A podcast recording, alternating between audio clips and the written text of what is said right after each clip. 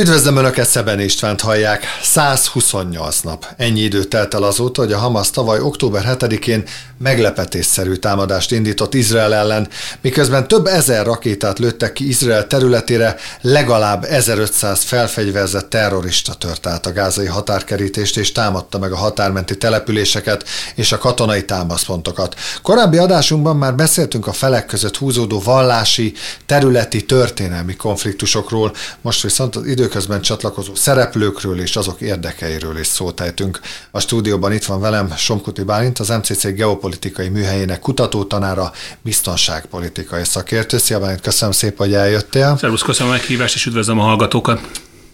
Még mielőtt belemennénk az érdekekbe, a részletekbe, hol tartunk most? Gyakorlatilag az látszik, hogy a háborúban elindult egyfajta lassú eszkaláció. Tehát maga a szárazföldi hadművelet az a, szerintem az izraeli politikai és katonai vezetésnek a tervei szerint halad. Ugye Hamas az várható volt, hogy komoly katonai ellenállást egy ilyen modern, jól felszerelt, jól felkészített erővel szemben, mint az izraeli nem fog tudni nyújtani.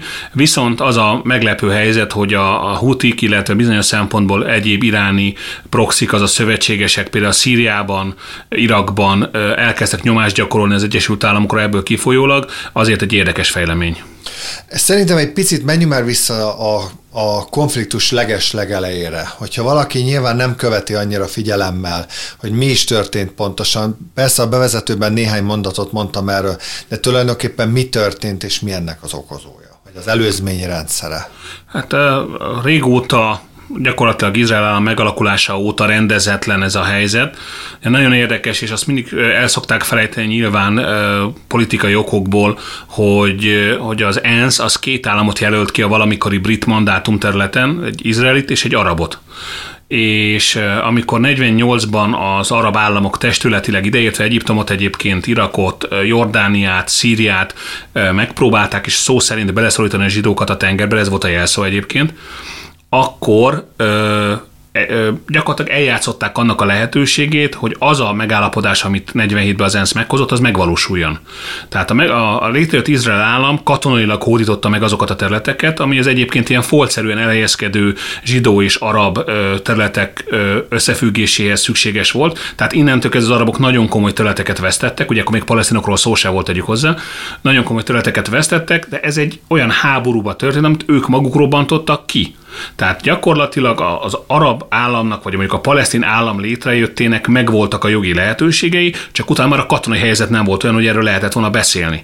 És utána gyakorlatilag évtizedenként kirobbant egy háború 48, 56, 67, 73, amelyben az arab államok megpróbálták katonai erővel szó szerint megsemmisíteni Izraelt, egyszer sem sikerült, és onnantól kezdve indult meg az a folyamat, amelyben ezért nem mentsük fel az izraeli felese teljesen, amelyben lényegében fokozatosan arab területek zsidó kézbe kerültek.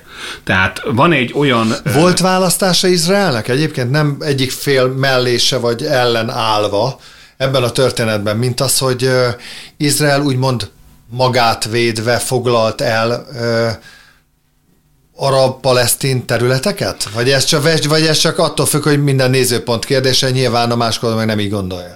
A rendezési terv arról szólt, hogy ilyen tényleg olyan, mint egy ilyen, egy ilyen patchwork szőnyegszerű uh-huh. elrendezésben lettek volna zsidó és arab területek, amely, amelyben egyik félnek sem volt összefüggő területe, egybefüggő területe. Uh-huh. De az arab támadás után teljesen jogosan merült fel az a biztonsági igény, hogy azok a területek katonailag megvédhetetlenek.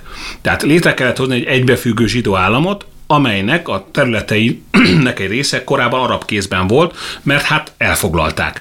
Tehát onnantól kezdve létrejött, tehát nagyjából egyébként már 48 után kialakult az az izraeli terület, amit most látunk, és a, az arab fennhatóság gyakorlatilag Cisjordániára és a gázai övezetet terjed ki, ez 67-ben véglegesedett Kelet-Jeruzsálem izraeli elfoglalásával, amelyben ugye az addig elméletileg nemzetközi közigazgatás alatt álló terület egy az egybe izraeli kézbe került.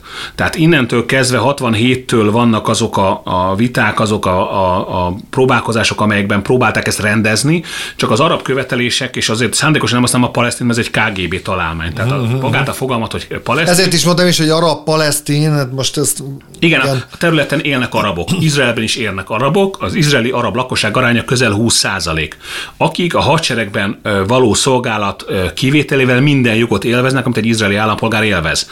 Tehát ha megnézzük, hogy a világon hol élnek legjobban ö, muszlim vallású arabok, akkor az mondjuk Szaudarábia és az Egyesült Arab Emirátusok mellett Izraelben van. Nem, az izraeli szabadságjogokat azért ne hasonlítsuk össze a Szaudarábiakkal, mert torony magasan vezetnek, de alapvetően az a helyzet, hogy ott, aki elfogadja Izrael állam létét, azt utána nem kérdezünk, hogy kiféle, miféle, neki tudja, hogy folytatódik a mondás, hanem egész egyszerűen hagyják élni.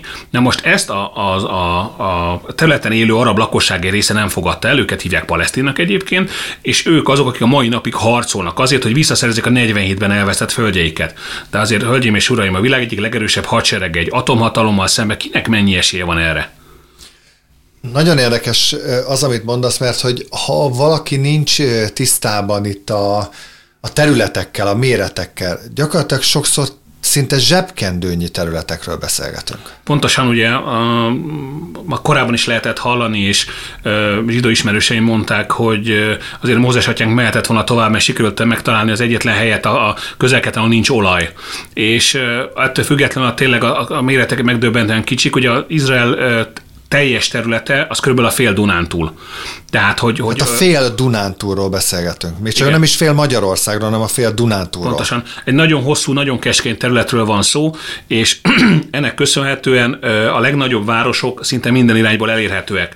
Tehát erre szokták azt mondani izraeli katonai jellemzők, hogy Izraelnek nincs katonai mélysége. Magyarországnak sincs, de Izraelnek még annyira se. Tehát innentől kezdve nincs hova visszavonulni. Tehát, hogy minden egyes lövés találat, minden egyes találat, tehát, hogy egész egyszerűen mindenhol lakott terület van, nincsen hová menni. Ez is okozhatja egyébként ezt, ezt a konfliktus, hogy kis területről beszélgetünk? Én úgy gondolom, hogy tehát picit még hagyj vissza a múltba. Tehát a, a, az izraeli ö, lakosságnak a növekedése az vezetett olyan lépésekhez, ami alól nem lehet fölmenteni az izraeli vezetést. Ez az úgynevezett telepeseknek a kérdése, akik szó szerint jogtalanul és mindenféle létező ö, jogszabályt, izraeli jogszabályt is felrúgva erőszakkal. Hát erőszakos telepítésről van szó. Aha. Igen, erőszakkal foglaltak el egyébként műveletlen, de arab kézben lévő területeket, ahol ők maguknak ö, ö, ingatlanokat kezdtek építeni, művelés alá, művelés alá vonták a területet, stb. stb. stb. És ezt bizony az arab joggal kifogásolta. Ezek a telepesek sok esetben maguk is rendkívül erőszakosak voltak, illetve az izraeli állam is erőszakkal védte őket. Ez egy teljesen exlex állapot volt, amit nem lehet fölmenteni. Csak mindig, mindig fölteszem a kérdést, hogyha van egy szituáció, van egy kocsmai verekedés, ott bárki anyázhat, de a felelősség azért, aki először üt. És ebben az esetben az arab fél ütött először. Ez ennyire egyszerű, és azóta nem tudja, vagy nem akarja elfogadni azt a tényt, hogy ott ez a helyzet létrejött. Az, hogy ki állhat nyerésre, most ugye az adásunk felvételnek pillanatában 128 napról beszélgetünk, az, hogy ki áll nyerésre, van ebben a helyzetben, ebben a konfliktusban ilyen kérdés, hogy ki áll nyerésre? Fel lehet ilyet tenni? Az a baj, hogy amíg a vesztes fél nem ismeri elő legyőzték, addig nem lehet erről beszélni. És ugye a nyomát sem látjuk annak, hogy a palesztin oldalon fölismernék azt, hogy ebben a küzdelemben nem nyerhetnek. Tehát euh, még egy dolgot figyelembe kell venni, hogy annak ellenére, hogy Izrael egy meglehetősen modern, nyugati vonásokat hordozó állam, attól függetlenül, most a Robert C. Castell izraeli szakértőt idézem, attól függetlenül egy nagyon modern beduin törzsről beszélünk. Tehát az a fajta sivatagi törzsi hagyomány, amit nem csak az ott élő arabok, hanem a Sabrának nevezett ott született izraelek is vallanak, abban nagyon kevés különbség van. Tehát ez kvázi ez a szemet szemért, fogad fogért, elvis akár? Pontosan, ez az egyik része, a másik része pedig a becsületnek, az elrettentésnek a kiemelt szerep, amit mi Európában elszoktunk. Tehát mi hiába vagyunk rossz viszonyban a románokkal, mondjuk az erőszakossága a konfliktusnak a közelébe sincs, tegyük hozzá, hál' Istennek, ahhoz, mint amit ott a helyiek megélnek, és akkor még egy dolgot hagyd mondjak, hogy van egy népcsoport, úgy hívnak, hogy sémita, hámita, tehát a szigorúan veszük testvérnépekről van szó, hogy ezért is nagyon hasonlók a hagyományaik. Tehát, hogy az Ábrahám vallásokról szoktak beszélni, ugye ez a, alapvetően a, a, a zsidóság, a kereszténység és a muszlim hit, vagy az iszlám. Tehát, hogy itt igazából van egy ilyen fajta ellentét is, ami nagyon durva következményekkel jár. Tehát az a terrortámadás, amiben ö, ezernél több ö, ártatlan ember halt meg, és most bocsánatot kérek, de a katonák azok, azok sajnos vállalják ezt a kockázatot, de ezenél több ártatlan ember halt meg brutális körülmények között, arra nincs mentség. És ezt a fajta állapotot, hogy valaki úgy gondolja, hogy ezt megteheti, ezt meg kell szüntetni. Ez egy nagyon embertelen gondolat, de sajnos ez a valóság. hogyan lehet megszüntetni egy olyan fegyveres konfliktust, ami 1967 óta folyamatosan fennáll, kisebb-nagyobb megszakításokkal, illetve talán még a múltkor beszélgettünk is erről, amikor így a e konfliktus kapcsán szó volt arról, hogy mindig valakinek meghal a fia, az apja, az anyja, a lánya, és mindig lesz valaki, aki majd ezért, amit most említettél, bosszút akar állni. Tehát gyakorlatilag ez egy végtelen történet. Valóban így van, sajnos. Golda Meirnek, Izrael első államfőnek volt egy nagyon mondás, hogy amíg jobban gyűlölnek minket, mint amennyire a gyerekeiket szeretik, addig nem lesz béke. Tehát, hogy, hogy ezt érlemes lenne belátni. Nekem voltak palesztin tanítványim, tanultak Magyarországon, ráadásul a hatudományi doktori iskolába ö, ketten is. Meglepő módon mind a kettő keresztény volt egyébként, tehát ö, kevesen tudják, hogy a palesztinok között vannak keresztények is. És őket kérdeztem arról, és megmesélem nekik egy példát, hogyha bemegyünk az összes itt lévő tanítvány voltunk köztük hivatásos katona is. Meg én a 150 kilommal egy terembe, ahol egy ezüst hátú hímgorilla ül, akkor legfeljebb kérni tudunk tőle valamit, de ha nem akarja, nem csinálja meg. Erőszakkal rávani semmi nem fogjuk tudni. Se fenyegetéssel, se az, hogy a kis ujját harabdáljuk, se semmi. Tehát amiket ők csinálnak, azok ennél nem, kom- nem jelentenek komolyabb fenyegetést Izrael, az ezüst hátú gorilla ebben az esetben. Egy stabil társadalmi háttér, egy erős hadsereg és egy atomhatalomról beszélünk ha nem lesz nyertes a háborúban. Ugye azt mondom, illetve hát van egy akkor van nyertes, amit mondta, hogyha valaki elismeri a vereségét, de nyilván palesztinok soha nem fogják ezt elismerni, akkor szemmel láthatóan ennek a konfliktusnak nem lesz vége csak akkor, hogyha Izrael visszahozza, visszahozza a csapatait, visszahozza a tankjait, de ez nem fog megtörténni. Um, Amíg a palesztin fél nem hát rá. Igen, na most ezt meg nyilván nem teheti meg, hiszen azért hajtotta végre ezt a brutális támadást, mert Neszemágában volt meghátrálni. Így van. Megint hagy hozzak egy példát, ez egy térben és időben távolabbi példa, Kaukázusban játszódik Lermontov Korunk hőse című regénye, és abban van egy ilyen idézet, amit sokszor szoktam idézni, mert szinte elfelejtették, hogy egy területen átudazó fiatal orosz diplomata, nem is diplomatának, bocsánat, hanem bürokratának azt mondják a helyi katonai vezetők, hogy várja meg, amíg megérkezik a megfelelő utazási alkalmatosság, mert annélkül nem tud elindulni. És nem értette, hogy miről van szó, amíg meg nem érkezett egy század gyalogos és egy ágyú. Tehát, és akkor elmagyarázza neki a parancsnoka ennek a mondjuk így katonai oszlopnak, amihez egyébként a civilek is csatlakoztak védelmi okokból, hogy itt az a szabály, hogy minél nagyobb az öldöklés, annál tovább tart a béke. Tehát nagyon szomorú, hogy erről a 21. században két világháború és a holokauszt után beszélnünk kell, és tegyük hozzá nem csak Európában volt ipari népírtás, hanem a japánok is végrehajtottak egyet a kínaiak ellen Ázsiában.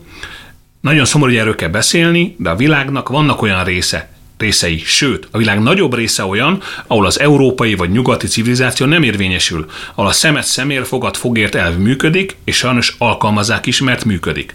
Tehát amíg a palesztin, elsőbb a gázai lakosság nem érti meg, halottakon, sebesülteken, eltünteken keresztül, hogy ez egy nagyon rossz ötlet volt, hogy támogatták a Hamaszt, és gyakorlatilag szemet hunytak a felett. Sokunknak nem volt más választás a félértés persze, persze. Egy felfegyverzett terrorista, ha bemegy az ember lakásába, két választása van, hagyja, hogy megöljék, vagy elfogadja, ami történik.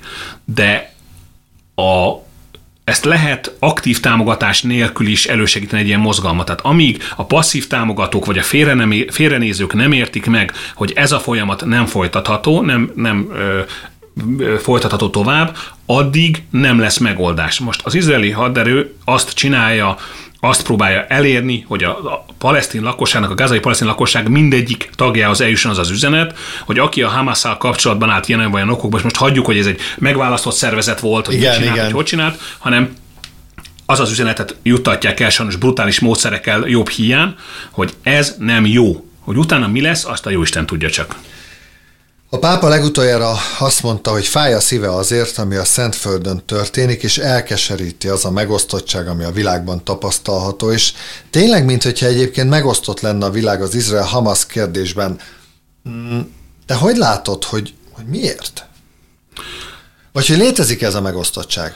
Abszolút mértékben létezik. Ugye belegondolunk abba, hogy tömegesen álltak ki parlamenti képviselők, miniszterek, sőt a kormányfők is a Hamas mellett, tehát a palesztin nép mellett, de lényegében a Hamas támogatva, akkor fölmerül a kérdés, hogy egy ilyen brutális terrortámadás után hogy lehet egyáltalán erről szó?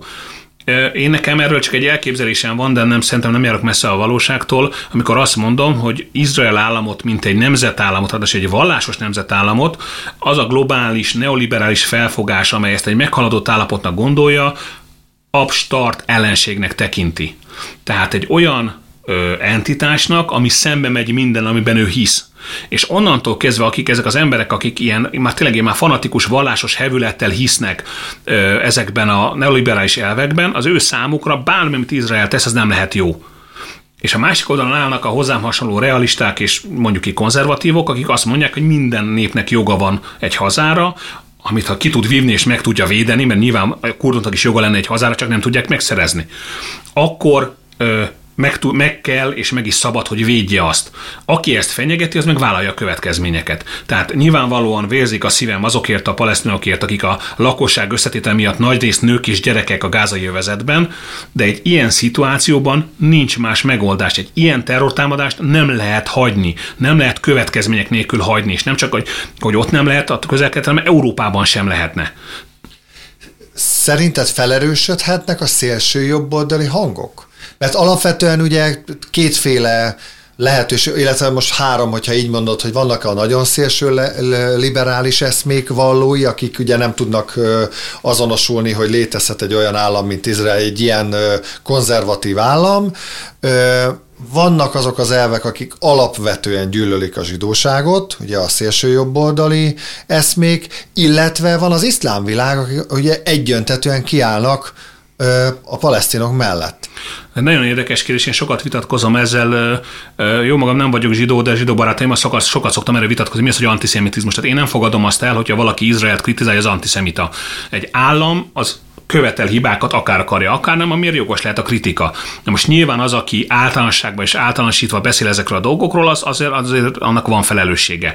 Én az igazi problémát abban látom, és meglep, megdöbbentő, hogy szélsőbodi körökből is egyre több Izrael támogató nyilatkozat érkezik a világszerte mindenhonnan egyébként, ugyanis a fő probléma már nem a hagyományos történelmi antiszemitizmus, hanem a bevándorlók, a többségében muszlim bevándorlók Na, ez ide, ide, ide szerettem volna kiukadni, hogy alapvetően nem biztos, hogy ez a vonal, nem feltétlen tehát most lehet, hogy nagyon extrém dolgot mondok, hogy lehet, hogy egy szélső jobboldali gondolkodású ember egyébként most akár ebben a helyzetben Izrael támogatja, pontosan amiatt, amit mondtál, mert mégiscsak egy keresztény gondolkodású országról beszélünk az iszlámmal szemben vagy nem tudom, ez az már nagyon elrugaszkodott a valóságtól, de valahol mégis nem, nem. van egy kettőség ebben az egészben. Ez teljes mértékben így van, hogy a tradicionális antiszemitizmus az, a, az a alapvetően a, a zsidóságnak a társadalmi és gazdasági életben betöltött szerepe ellen irányult. Uh-huh. De ez a probléma az eltörpül ahhoz, amit a muszlim bevándorlók jelentenek a nyugati világ túlnyomó részén. Tehát én nem mondom azt, hogyha ez a bevándorlás jelentette probléma nem szűnik meg, akkor nem láthatjuk újra fellángolni a, az antisz, a hagyományos antiszemitizmust, mert hát valakit mindig gyűlölnie kell bizonyos embereknek, de, de most egyértelműen háttérbe szorult amellett a probléma mellett, amit mondjuk azok a tömegek jelentenek, akiket ellenőrzés nélkül engedtek be Nyugat-Európába miért van az, sokszor, sokszor az ember hallgatja a híreket. Sokszor hol ez az ország vezetője szólal meg, hol az az ország, majd mi támogatjuk ebben, ellenezzük ezt a konfliktus, stb. Miért van az, hogy egyes országoknak mindenféleképpen szerepet kell vállalni egy ilyen konfliktusban? Legyen az akármilyen jellegű. Tehát, hogy miért kell mm, akár katonai segítséget, vagy akár kiállni az egyik vagy a másik oldal mellett. Miért van szükség? Én ezt úgy szoktam mondani, hogy kialakult a jó emberkedésnek a vallása. És ez egy olyan ö, ideológia, amely az összes ismerével rendelkezik egy klasszikus monoteista vallásnak, csak éppen nincs benne Isten. Tehát nem transzcendentális, hanem ilyen, ilyen ö, olyan értékei vannak, amit minden körülmények között meg akar védeni, és akik ebben hisznek, és tegyük hozzá, többségük mint vallási fanatikus, euróiszlamistáknak szoktam őket nevezni, nem azért, mert muszlim, muszlimok, hanem azért, mert úgy viselkednek, mint az iszlám állam hívői.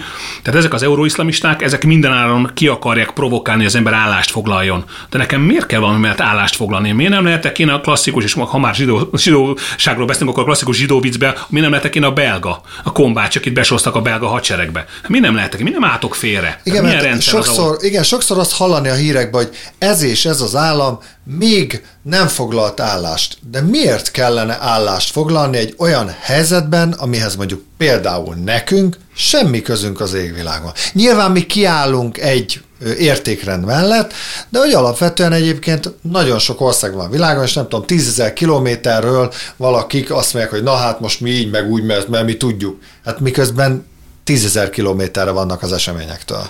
Igen, egy, egy egyértelmű kérdést tennék föl, hogy nyilvánvalóan az áldozatok és, és a, az áldozatok mert ki kell állni. Tehát ugyanúgy... Persze, ahogy... de az egy más helyzet. Most itt, most itt a politikai szerepvállalásról ja, hát beszélünk. Abszolút, igen. abszolút. Nem csak az, az akartam kiindul, ki, kiindulni, hogy sokan még azt is elfelejtették idézőben megtenni, hogy a, hogy a részvétőket nyilvánítsák a terrortámadás áldozatainak, majd rögtön tettek egy politikai állásfoglalást az üldözött és elnyomott palesztinok mellett. Egyébként bizonyos szempontból a gázai övezet a világ egyik legrosszabb helye, ahol lehet élni. Tehát erről szó sincs, csak ö, van egyfajta ilyen nyomás a véleményformáló média, amit mainstream médiának is szoktak nevezni részéről, hogy mindenki foglaljon állást, és mindenki jó állást foglaljon, mert ha nem jó állást foglal, akkor, és akkor azonnal ellenség. Tehát arról ha csendben maradsz, az sem jó, az sem jó. hát akkor aki ném, az cinkos, meg se... Pontosan. Pedig pontosan. nem biztos, hogy erről van szó. Abszolút mértékben. Tehát ez a fajta kirekesztő, nyomuló, erőszakos gondolkodás, ideológia,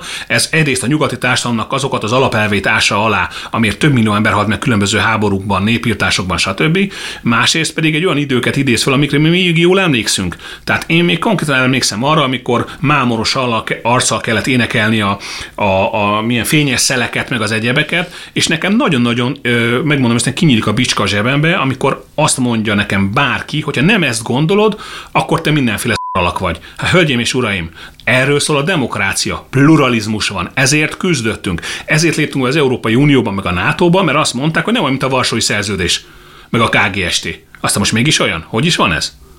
Ki mit nyer egy ilyen politikai szerepvállalása. Nyer, nyer bárki is bármit. Azon kívül, hogy a mainstreamnek megfelel? Igen, ugyanis ez zseniálisan kiépített hálózat. Tehát az, aki beáll, beleáll ebbe a történetbe, fölvállalja az állásfoglalását, az utána, amikor véget ér a politikai karrierje, a startkarokkal várja a tudományos világ, vagy a multinacionális cégek, vagy az alapítványoknak a köre, a think tankek, vagy bármi, ahol jó fizető állásban oszthatja tovább az észt, és terjesztheti tovább azt az igét, az egyedüli, és üdv, egyedüli üdvözítő ige, aki meg nem hisz ebbe, az megégetni való eretnek. Rengeteg kettősséget tapasztaltunk e kapcsán a konfliktus kapcsán is. De nyilván egyébként a világ bármelyik konfliktusait nézzük, mindenhol, mindenhol felüti ez a fejét. Mondok egy példát, hogy miért pénzelik külföldi országok, például az Egyesült Államok Izraelt, miközben egyébként meg palesztin párti tüntetésektől hangos. Hogy, hogy közben, miközben ezrek, tízezrek, százezrek tüntetnek Izrael ellen, az Amerikai Egyesült Államok pedig támogatja Izraelt. Ennek nagyon hosszú története van egyébként, és a teljes, mondjuk így háttere még nincs feltárva, de 2005-2006-ban jelent meg egy könyv az izraeli lobbyról, két nagyon komoly amerikai biztonságpolitikai elemző, Waltz és Mersheimer írta őket, ami után, mert föltárták ennek a mélységét, hogy milyen szinten van a, milyen szinten befolyásolja az izraeli lobby az amerikai törvényhozást, ezért mind a kettőt egy-egy év szilenciumra ítélték, mert erről a többé-kevésbé sejtető, de, de mindenképpen mindenképpen titkolt összefonódásról szót ejtettek. Én úgy gondolom, hogy ebben van politikai, ebben van ideológiai párhuzam, ugye nagyon sokan Amerikában magukat egyfajta másik kiválasztott népként tekintik, ugye a klasszikus amerikai mondás szerint ők a háza hegyen, és Izraelt egy ilyen fajta, ilyen nyilván az zsidóság a kiválasztott, Isten kiválasztott népe, ők meg a második ilyen nép, és hogy van egyfajta ilyen irányultság is ebben, nagyon-nagyon messze megy, és nagyon-nagyon sok mindent el lehetne mondani róla. Én úgy gondolom, hogy ez egy tény, amivel amivel foglalkozni lehet, de igazából nem érdemes, mert az alapvető okokat nem lehet megváltoztatni. Mindeközben ugye megérkezett Anthony Blinken, amerikai külügyminiszter Szaúd-Arábiába, és a közel-keleti körútjának első állomására, ahol több fronton is előrelépéseket szeretne elérni. De milyen előrelépés lehet ez? A, az, hogy Szaudarábia belépett a BRICS tagállamok közé, tehát az egyértelműen nyugati ö, dominanciai világgal szembehelyezkedő és az azt megkérdőjelező szervezetnek a tagjává vált, ez azt mutatja, hogy szépen lassan sodródik el ö, a nyugat mellől, és ennek olyan lépései is vannak, ami korábban elképzelhetetlen, elképzelhetetlen lett volna. Tehát a dollár világvalutává válásnak az egyik fő eleme az úgynevezett petrodollár volt, amelyben a legfőbb termelő Szaudarábia csak is kizárólag dollárban volt hajlandó üzletelni bárkivel, aki olajat akar tőle venni. Na most a dollárnak van egy olyan különlegesség, amiről kevesen tudnak, hogy minden egyes dollár átutalás átmegy az amerikai egybankon a Feden, és bármilyen ö, indok nélkül megakaszthatja és visszautasíthatja azt. Tehát én magam is voltam részes egy teljesen szabályos olyan nemzetközi ügyletnek, amit a Fed visszautasított, indoklás nélkül. Tehát gyakorlatilag ez a fajta szituáció azt mutatja, hogy Szaudarábia elindult a másik irányba, és például Kínával már kisebb mértékben ugyan, de yuanban üzletel. A közel-keleti háború azért megosztja nyilván az unió országait is. De miért? Miért nem vagyunk ebben konzekvensen egy, egy útvonalon? Az összes ország. Hát én úgy gondolom, hogy az Európai Uniónak pont az az erősség, és ez a jelszav is egyébként, hogy egy, egység a sokszínűségben. Tehát az Európai Uniónak, mint, mint, mint szerintem egy, egy ilyen uniónak, és nem egy szuperállamnak, ebben nem kell állást foglalnia. Tehát nem tudunk és nem is akarunk egy olyan európai gazdaságot létrehozni, mint az amerikai, amíg ez nincs meg, és ne is legyen meg egyébként, addig legyen összefüggő, meg legyen szabad, meg stb. stb. stb. de ne legyen európai ízé, mert abban nem jár jól senki, egy pár milliárdos kivéve. Tehát gyakorlatilag az egyes államok a saját érdekeik szerint hagyd tárgyalnak ezen a területen. Nyilván az Európai Uniónak vannak érdekei, tehát az nagyon rossz lenne mondjuk, hogyha a migráció problémájában teljesen eltérő nézeteket képviselnek az országok, az eleve jegyzem meg, az nem, az nem álláspont, hogy mindenkit engedjünk be. Tehát arról lesz, hogy Algériával meg kéne állapodni arról, se az algériaiak ne jöjjenek ide, se Algérián keresztül afrikaiak ne jöjjenek ide, azt mondjuk nagyon nem lenne jó valaki megakadályozná politikai okokból. De az, hogy ki kivel üzletel, milyen bizniszt köt, és mondjuk nem arról van szó, hogy Észak-Koreával üzleteljünk, hanem mondjuk arról van szó, hogy mondjuk hogy álljunk például egy ilyen háborúhoz, amikor egy terrorista támadás ér egy, egy másik államot, akkor abban azért nem hiszem, az Európainak bele kéne szólnia. Erre azért nagyon érdekes törésvonalakat tárt fel ez a történet. Például azok a német vezetők, akiket már nagyon nézlen a németnek vezetni, nevezni, például Annalena Berbokot, aki között nem érdekli a választói véleménye, ő elfelejtette azt a tényt, hogy Németország aktív szerepet vált a holokausztba. És van egy, igenis van egy történelmi felelőssége azért, hogy ez ne ismétlődhessen meg. Hogy ez most milyen léptékű, milyen méretű, azon lehet vitatkozni, és kell is vitatkozni. De az, hogy még egyszer Németországba zsidókat ne érhessen fenyegetés, hát én arra én nem is szavakat. Ö, muszáj egy picit kitérnem arra, mert hogy te magad is említetted, hogy nyilván Magyarországról is vannak bizonyos hangok, akik folyamatosan azt nyomatják, hogy Európai Egyesült Államok. Nyilván e, ettől engem ráz a hideg, de vannak emberek, akik talán elgondolkodnak, hú, hát milyen jó lenne. Számomra értelmezhetetlen. Egy picit, egy két mondatot mondjam erre, hogy ezek milyen tervek lennének, vagy egyébként mi lenne ennek a létjogosultsága? Hát az alapvető gondolat az az, ami mögötte áll, hogy a nemzetállam az minden rossznak a forrása. Tehát ez a fajta nyílt társadalom, mondjuk ki nyílt társadalmi gondolkodás, amin az egész alapszik egyébként, az az, hogy a nemzetállam, mint szervezeti forma elveszette a létjogosultságát, meghaladta a történelem, mert hát hozzájárult két világháborúhoz, és meg kell szüntetni. Na most ezen a koncepció alapján egy ugyanolyan államot akarnak létrehozni, mint amilyen az Egyesült Államok, csak mondjuk amíg az USA többé-kevésbé szerves fejlődés részeként jött létre, ezt most felülről lefelé akarják kikényszeríteni. Az alapvető gondot az jelenti, hogy még a konfederációs államok az amerikai polgárháborúban is Egyesült Államokat akartak, csak egy másfajtát. Addig itt Európában nagyon sokan akik nem akarnak semmilyen Egyesült Államokat. Tehát én, amikor 97-ben először tanultam az Európai Unióról, akkor azt tanultam, hogy kétfajta koncepció van. Van az Európai Föderáció szuperállam, és van a Nemzetek Európája. És erről majd valamikor mi dönteni fogunk. Na most mi döntöttünk erről? Volt erről népszavazás? Volt erről bármi, ami a lakosságot megkérdezve indult volna ebbe az irányba? Nem. Volt egy elit, akit megfertőztek a különböző szélsőségesen neoliberális eszmék, és azt próbálja ezt ránk erőltetni. És hagyd tegyek fel egy kérdés, ami miatt sose lesz Európa. Ki fog meghalni érte? Mert a nemzetállamért, a közösségünkért, az őseink földjéért készek vagyunk meghalni. De nekem mi közem ahhoz, hogy mi történik Dániába, vagy Franciaországba? Vagy a Dánnak mi köze van ahhoz, hogy nálunk mi történik? Pontosan. Vagy miért érdekelni? Én, én tényleg mindig, amikor ezt elő, mindig, amikor hallom, akkor egyszerűen nem tudom értelmezni. Hogy ezt hogyan, hogyan lehetne egy masszát csinálni mindenféle társadalmi, kulturális, gazdasági különbségekből. Egyszerűen lehetetlen. És uh, amit te is mondtad, hogy, hogy ez, szerintem ez a kulcs szó ebben, hogy én szeretek magyarnak lenni, és én magyar vagyok. Attól még európai vagyok, de elsősorban én magyar vagyok. Pontosan. És ezt nem lehet megfordítani. Nincs olyan, hogy európai vagyok, és nem, én magyar vagyok. És, az, és utána jön az, hogy hát igen, európai, meg itt lakom a nem tudom, a Föld nevű bolygón. Ezt szerinted létezhet, hogy a közeljövőben ez megvalósuljon? Szerintem kizárt dolog, ugye hagyj idézek egy Gaulle mondást, aki azt mondta, hogy próbáljanak meg egy olyan országot irányítani, ahol 300 fajta sajt van. Ez csak Franciaországról mondta. Tehát akkor ne, ne vegyük bele a magyar sajtfajtákat is. Tehát Egyébként lehet több nemzetiségű államot létrehozni, mert az orosz birodalom nagyon jó példa erre, csak azt ne felejtsük, hogy ennek a területnek a többségét, sőt az összességét az oroszok katonai erővel hódították meg. Tehát az, a Habsburg birodalom is működött, amikor a 48-49-es forradalom után rájöttek, hogy a magyarokat nem lehet kormányozni, akkor bevonták őket az irányításba, és létrejött a dualizmus.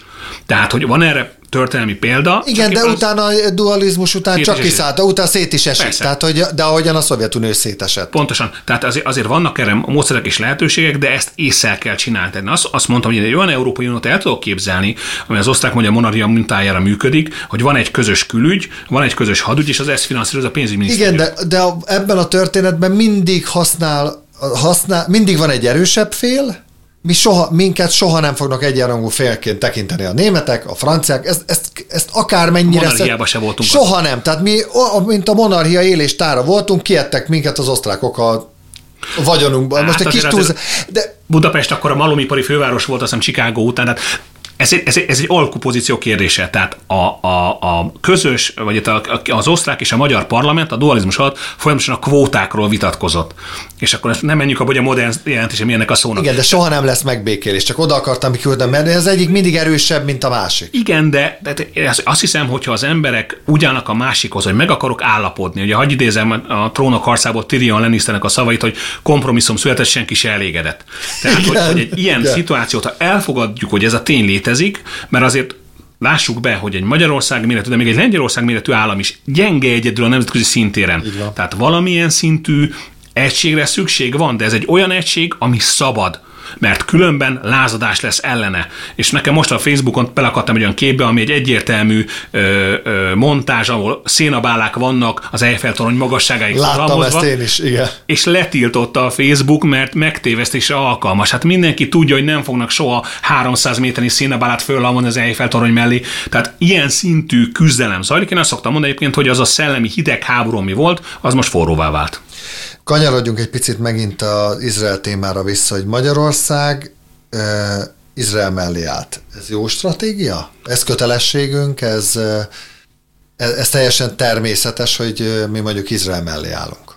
Vagy nem kellett volna? Én úgy gondolom, hogy egy, egy szuverenista, egy függetlenségben hívő ö, ö, nép és kormányzat nem tehet mást. Tehát Nyilvánvalóan nem szabad figyelmen kívül hagyni az ártatlanok szenvedését független attól, hogy milyen vallású, nemzetiségű vagy bármilyen csoporthoz tartoznak, és az emberi jogai az, a megélhetéshez, a biztonsághoz, a, a, a, a vízhez, meg az oktatáshoz való jogot azt figyelembe kell venni, de egy háborúban ezek a jogok mindig hátraszorulnak. És egy fél kirobbant egy háborút, akkor ha belegondolunk akár az első, akár a második világháborúban, az ártatlanok is mindig viselik ennek a terhét. Tehát úgy gondolom, hogy a, a, a magyar álláspont és úgy a lakosság gazdasági, mind a kormányzati egyértelmű ezen a területen, Izrael államot támadás érte, amiben erkölcsi kötelességünk segíteni őket. De ez nem jelenti, hogy Magyarországnak fegyvert kell küldeni Izraelnek. tehát azért lássuk be, hogy se, tehát erkölcsi kötelességünk az áldozatok mellett kiállni, erkölcsi kötelességünk felemelni a hangunkat amellett, hogy a, egy háborúban minél kevesebb civil áldozat legyen, de ennentől ez az erkölcsi kötelességünk véget is ér. Mindeközben ugye Izraelben is forronganak az indulatok. Ezrek demonstráltak a nagyvárosok utcáin, azt követelve az izraeli kormányt, hogy tegyen többet a Hamas palesztin terrorszervezet által elhúzott túszok elengedésért. A Hamas 240 túszt húzott Gázákba, akik közül azóta körülbelül százat engedett el, és izraeli források szerint 132 még mindig az övezetben raboskodnak, hogyha egyáltalán még életben vannak. 28-an valószínűleg pedig már nincsenek is életben. Mit lehet itt tenni? Semmit. Sajnos semmit. Teljesen igazuk van a hozzátartozóknak, hasonló esetben én is ezt csinálnám. Tehát én is hangosan verném a, azoknak az ajtaját, akik tudnak valamit tenni, a kérdés az, hogy mennyit. Igen, e- ezt szeretem volna kérdezni. Van itt alkupozíció? A Hamas nyilván nem fogja elengedni ezeket az embereket. Ö, Izraelnek láthatom, már nagyon sok idő eltelt valószínűleg már nincs esélye ezeket az embereket kiszabadítani, tényleg, ha még egyáltalán életben vannak. A Hamásznak még az az egy adója van a kezében, ezek az emberek, akik vagy élnek, vagy nem. Igen, az a baj, hogy egy ilyen szituációban engem is bárki megkérdezi, nyilván azt mondom, nem érdekel, hogy mekkora áldozat, de szabadítsák ki őket. De hogy egy picit hátrébb lépünk, és nem helyezzük magunkat egyik embernek se a bőrébe, akkor megkérdezzük, hogy érdemes lenne más gyerekeket feláldozni egy gyerekért. Tehát, Tehát egy katonai akcióban meghalna, nem tudom, több száz katona, meg több száz ember, akkor most... Igen, igen. És az a baj, hogy ez az a döntés, amit az átlagember nem lát. Tehát amikor egy katonai parancsnoknak az a döntése, aki olvasta a Halálítélt szakasz című, igen, brutális nyelvezetet használó amerikai regényt a 80-as évekből, ott egy egész ezredet, tehát több, mondjuk, hogy 1500 embert próbálnak megmenteni úgy, hogy feláldoznak 40-et. Tehát egész egyszerűen ilyen döntéseket politikusoknak néha meg kell hozni. És hála a jó Istennek, hogy az elmúlt 50-60-70 évben ezzel nem szembesült senki Magyarországon meg Európa nagy részén, de ezek a döntések egy olyan helyen, mint például Izrael, a napi életnek a részei. Ezt tudomásuk-e, hogy vegyék a helyi izraeli állampolgárok? Ezt én nem tudom megmondani, nem mernék itt állást foglalni. Ez sajnos a támadás óta benne van a levegőben. Én azt mondom a terroristákat ismerőként, egy idegális hadviselés szakértőként, hogy azok az emberek sajnos elrablások pillanatában halottak voltak, és egy kisebb fajta isteni csoda, ha élve kiszabadulnak. Nyilván ezt egy családtagnak nem lehet elmondani, és én is... Ezért kezdtem, hogy politikai egy politikus mit tehet? Tehát most hát ez a politikus egy... nagyon keveset tehet, és hogy ha már itt tartunk egyébként a, azok a politikusok, mert vannak ilyenek is, akik szítják ezeket a tüntetéseket, azokat igen komolyan felelősségre kéne vonni, mert embertelen, amit csinálnak. Azok az emberek, akik kimennek maguktól az utcára, a családtagjaik, rokonaik, ismerőseik kiszabadításáért tüntesnek, annak teljesen igazuk van, és hagyni is kell ezeket a tüntetéseket, de aki erre politikai rá akar épülni, ez meg szégyelje magát. Hogyan kellene értékelnünk azt a hírt, hogy az ENSZ palesztin menekültügyi szervezetének több tagja is részt vett az október 7-i támadásokban? Hát ez egészen megdöbbentő. Ez igen. egy dolgot nem szabad figyelmen kívül hagyni. Tehát kicsit hagyj kezdjem távolabbról. Abósom hitű kommunista volt, Isten nyugosztalja, sokat beszélgettünk és vitatkoztunk. És a fiam olyan hat éves koromban megkérdezett egyszer, valahol sétáltunk, hogy mi a vélemény a Kádár rendszerről és hát csodálkoztam, hogy egy ennyi idős gyereket ez miért érdekel, de elmondtam, amit tudok róla, és akkor végighallgatta a véleményt, és azt mondta nekem, hogy apa, aki most téged hallgat, azt mondaná, hogy támogatod. Mondom, nem fiam, mondom, én elmondtam a jó, meg a rossz oldalát is. Na most a Hamas a tényleges ura a gázai jövezetnek 2005 óta, amit az izraeli csapatok kivonultak onnan. Ő adja a közigazgatást, az egészségügyi szolgáltatást, a szociális rendszert üzemelteti, stb. Tehát aki ott él, az ebben él. Ebből függ. Ettől függ. Ez nem egy puha diktatúra, ez egy kőkemény diktatúra ott. Tehát aki ebben a környezetben mozog, az nem tud nemet mondani. Nem, nincs lehetősége nemet mondani. Talán a semlegességre, arra, hogy, hogy félre, arra van egy kis esélye. De ahogy éjszakorában sem lehet félreállni. Tehát én úgy gondolom, hogy egyrészt nyilván elítélendő ez az egész történet, a terroristákat semmilyen szempontból nem szabad támogatni, másrészt gondoljunk bele annak az embernek a helyébe magunkat, akinek nincs más választása. Tehát én úgy gondolom, hogy ez egy olyan helyzet, amire emberi, humánus, logikus válasz nincs, csak az erő oldja meg ezeket a problémákat, az meg sajnos brutális. Amit mondta, hogy az erő adja meg ezeket a problémákat. Meg fogja tudni oldani az erő? Tehát most mi a, mi a következő lépés? Izrael még jobban nyomul, még jobban, de mi lesz, hogyan fog lezárulni ez a konfliktus? A gázai jövezet az egy fél Budapest egyébként, tehát azt érdemes tudni, hogy igaz, hogy hosszú, de nagyon keskeny. Ö, alapvetően, amikor az izraeli csapatok befejezik a gázai jövezetnek az átfésülését, azoknak a Hamas tagoknak a likvidálását, akik részt vettek a támadásban, akár tettleg, akár támogatólag, utána keletkezik egy űr. A Hamaszt ha nem is teljesen megsemmisítették, de olyan szinten meggyengítették, hogy nem lesz képes Gázában semmit fenntartani. Onnantól kezdve kellene valamilyen olyan megoldást létrehozni, tehát aláhozni, ami egyrészt és leginkább számol az izraeli biztonsági aggodalmakkal, másrészt pedig az ott maradó másfél millió, két millió, ki tudja mennyi embernek a mindennapi életét lehetővé teszi. Sok Bálint volt a vendégem, köszönöm szépen, hogy itt volt. Köszönöm szépen.